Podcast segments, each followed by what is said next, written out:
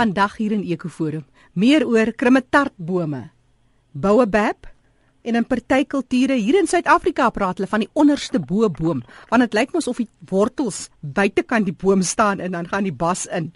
Wel, Vandag gesels ek met Priscilla Swarts. Nou Priscilla is van EcoScene en sy vertel ons meer oor haar ervarings met van hierdie boom. Priscilla, jy's ook 'n natuurliefhebber, toergids en al sulke goed in een, maar vandag gaan dit oor oorblyfsel van Gondwana land. Vertel ons meer van die baobab, die krimmetart. Hierdie uh, bome behoort aan die Bombaceae familie en dit kry jy in die suidelike halfrondse kontinente. Daar's een spesies in die noordweste van um, Australië. Daar's een spesies in Afrika, al in Oos-Afrika op op tot bo amper by Somalië en dan kry mens in Madagaskar 12 soorte. Dis sulke unieke bome en dit is oorblyfsels van ou tropiese woude uh, toe Gondwanaland nog een stuk was. Dit het net so geleidelik soos dit nou uitmekaar beweeg het, ehm um, het dit begin droër en warmer en warmer word eintlik minder reën uh, wat geval het. En vandag kry ons dit oral oor die wêreld. Nie almal spesifiek klimaat nie maar ehm um, waar dit baie baie warm is 40 grade gemiddelde temperatuur in die somer. Soos ook in Madagaskar in noord van die Soutpansberg hier in Suid-Afrika en dan jy die kapokboom wat in Suid-Amerika groei ons kry baie van die kapokbome wat juis nou blom sien hier in Pretoria staan klomp vol pink blomme is pragtig Maar dieselfde familie is die klimaat. Hy maak dan ook so vrug wat dan uh in die winter dan ryp is.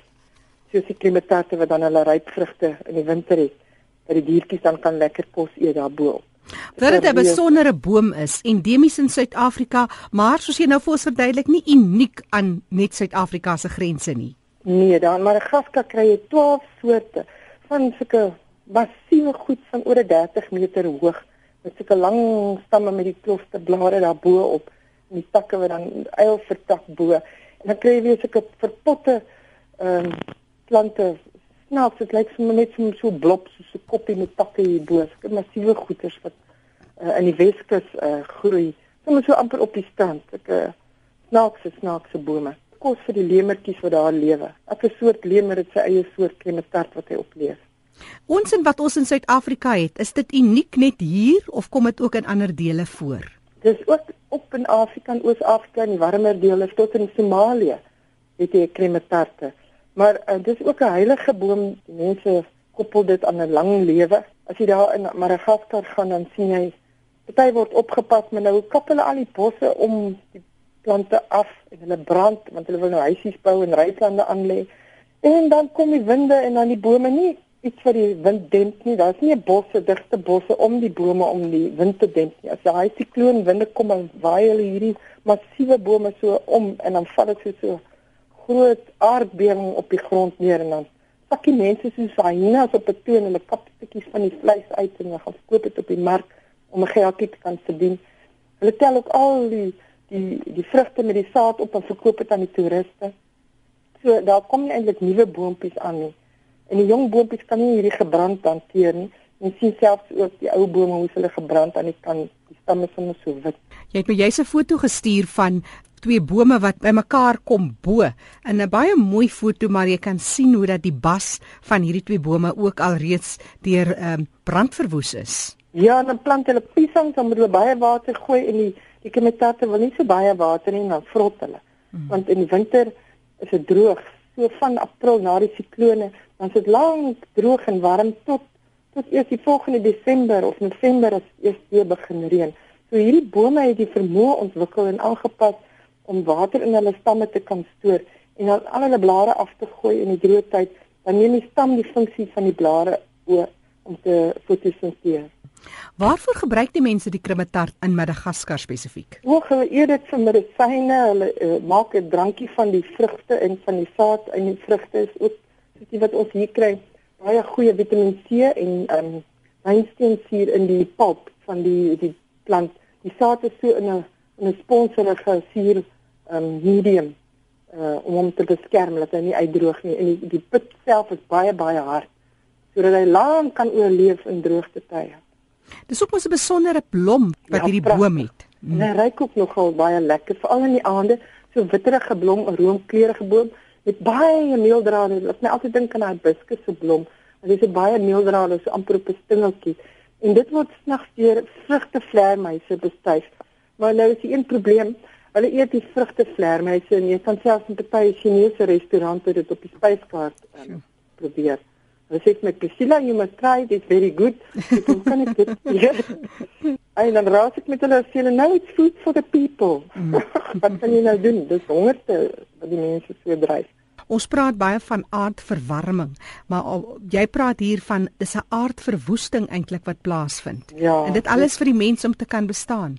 Dit is aan die een kant is dit oorlewing vir party mense van mense wat daar in die veld soms so in die veld van die veld af lewe. En dan bou hulle weer nuwe huisies, dan kap hulle nog bosse af en dan moet hulle nog ryslande maak en nog piesangs aanplant.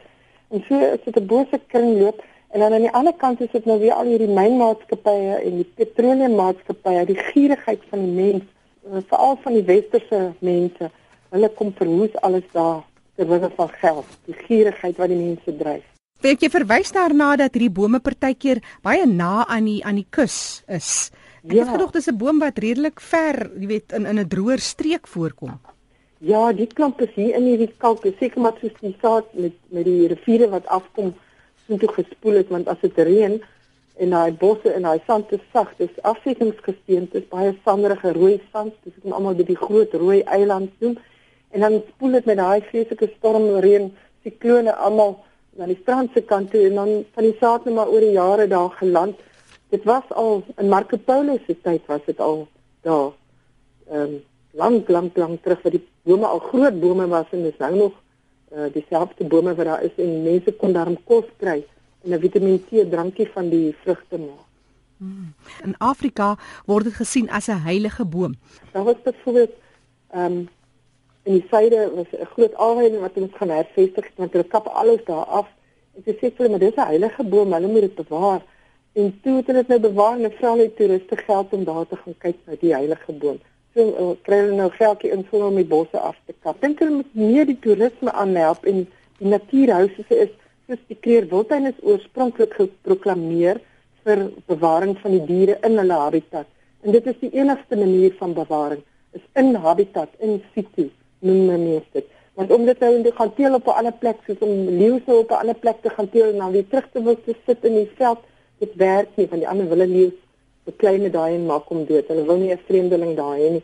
So die beste plek is om 'n ding in sy eie habitat waar hy aangepas is by sy omgewing se klimaatsomstandighede mm. so te doen. Nie so lank terug nie in 1999 was daar nog 'n hele woud van krimatarte. Hoe lyk dit vandag? Was daar eers in 1993 en toe weer in 99 toe staan nog daar 'n bietjie bosse om die krimatarte en nog krimatarte maar die bosse het minder geword. En toe ek in 99 sin toe gaan, toe sit nou nog minder en toe ek nou weer in 2009 na amper 20 jaar sin toe gaan, toe is 'n klomp van die klimatarte weg. Al die bosse en die grasse daaromheen is skoon veld en daar lê reuse op die grond soort van bene in die lug en mense kap dit uit en stukkies uit en vat dit maar toe en verkoop hulle dit daar. Dit was my baie hartseer om te sien. Ek ek, ek het amper oorval gekry want nou begin hulle meer ryslande aanlê en bring water aan en die bome is nie aangepas om so baie water in die winter op te hê nie hulle hulle vrot dan of val hulle makliker om weens die siklone en die bosse wat weggevat is en ook is te veel water maar dieselfde gebeur ook hier ek het gesien men, mense lê die ferm lande aan naby klimatarte in naby Hoedspruit was 'n reuse ou ou ou klimatarte maar sie ou boom Ek het nogal potskywe daar omheen gesien. So ek dink daar moet duisend jaar terug mense gebly het.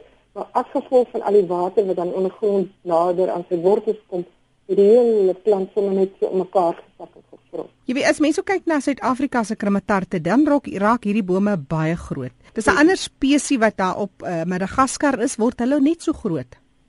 In Madagaskar is daar 12 spesies of 12 soorte, maar dit is nog net in 7 spesies ingedeel. En hier in Suid-Afrika is een spesies, maar daar's 'n vermoede dat ons dalk nou nog een daar in Wenda het 'n nuwe spesies daar ontdek het.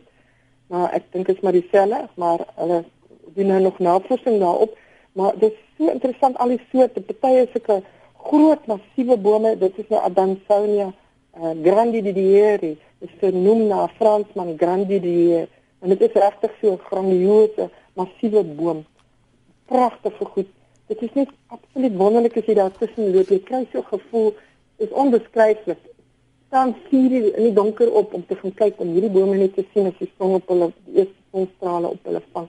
Daar's so heiligheid regtig om die bome en dit feit dat dit so oud is en al 180 voor 180 miljoen jaar het die goed al bestaan op op aarde te Gondwana langs of een stuk was. Dit is regtig een van daai goed wat 'n mens seker ook net wonder hoe het hulle oorleef. Maar ja, dit was so geleidelike aanpassing by 'n droër klimaat. Dit al minder begin reën het die aarde se dinamika daaromheen en toe dit nou al die droër geword en die plante het geleidelik begin aanpas. Die plante wat nie kon aanpas nie, maar uitgesterf en hierdie het nou geleidelik aangepas om die warm droogte tye te kan oorleef en die blare af te gooi en dan die die vrugte dan sulke groot amper soos 'n rugbybal of baie Madagaskar is so koel rond met so digte fyn fluweel haarkleed so 'n um, avokado kleurige kleur uh vrug en dan met die pulp die wit onseligheid binne in en dan die saadjies wat daar binne in sit wat vir lank lank lank kan oorleef.